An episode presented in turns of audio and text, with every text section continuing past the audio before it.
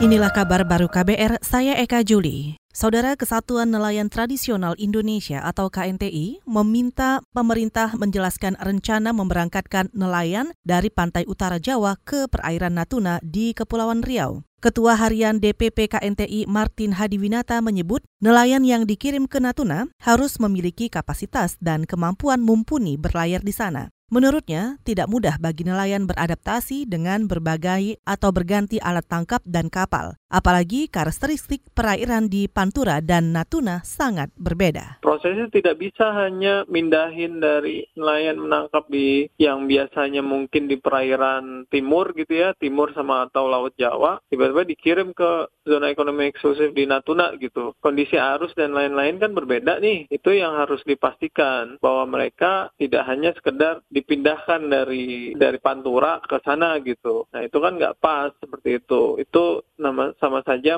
menumbalkan nelayan Indonesia. Ketua Harian Kesatuan Nelayan Tradisional Indonesia atau KNTI, Martin Hadiwinata juga khawatir keselamatan nelayan Pantura terancam jika persiapan pemberangkatan itu tidak matang. KNTI juga mendesak pemerintah melalui TNI Angkatan Laut dan Bakamla memperkuat pengawasan di perairan Natuna. Menteri Koordinator Politik Hukum dan Keamanan atau Menko Polhukam Mahfud MD akan memobilisasi seratusan nelayan Pantura ke perairan Natuna. Upaya ini dilakukan untuk menindaklanjuti masuknya kapal asing dari Cina yang mencuri ikan di perairan Indonesia.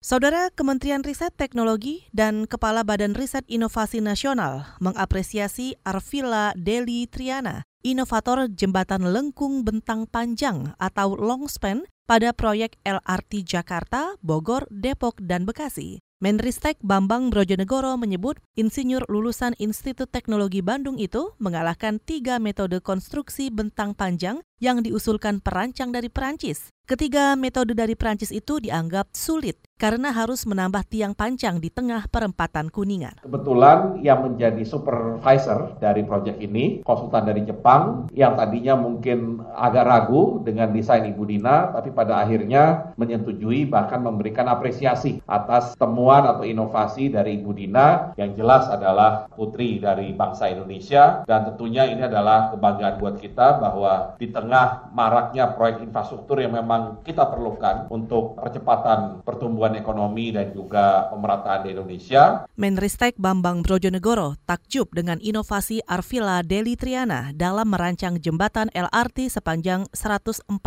meter tanpa kolom penyangga berbentuk melengkung. Jembatan itu menjadi jembatan lengkung dengan bentang panjang terpanjang di Indonesia. Kita ke informasi cuaca. Badan Meteorologi, Klimatologi, dan Geofisika atau BMKG meminta masyarakat waspada akan potensi hujan disertai kilat dan angin di sebagian wilayah DKI Jakarta hari ini. Laman resmi bmkg.go.id juga memproyeksi hujan dengan intensitas ringan hingga sedang terjadi di seluruh wilayah Jakarta, termasuk Kepulauan Seribu dari pagi sampai dini hari. Saat ini terjadi suhu udara berkisar 24 hingga 30 derajat Celcius. BMKG juga mengingatkan puncak musim hujan di Januari terjadi pada 10 hingga 15 Januari 2020. Menghadapi itu, Dinas Sumber Daya Air Pemerintah Provinsi DKI Jakarta akan mengevaluasi letak 10 titik pompa stasioner yang terendam ketika banjir pada tahun baru di Jakarta. Kita ke berita olahraga. Arsenal melangkah ke babak keempat Piala FA dengan menang tipis 1-0 atas klub divisi Championship Leeds United di Stadion Emirates Selasa dini hari tadi. Gol The Gunners itu tercipta dari pemain muda Nelson di menit ke-55. Meski menang tipis di Piala FA, posisi Arsenal masih terpuruk di paruh pertama Liga Inggris dengan menempati posisi ke-10 klasemen Liga Inggris. Arsenal juga masih tertinggal 9 angka untuk menembus zona Liga Champions. Saudara demikian kabar baru, saya Eka Juli.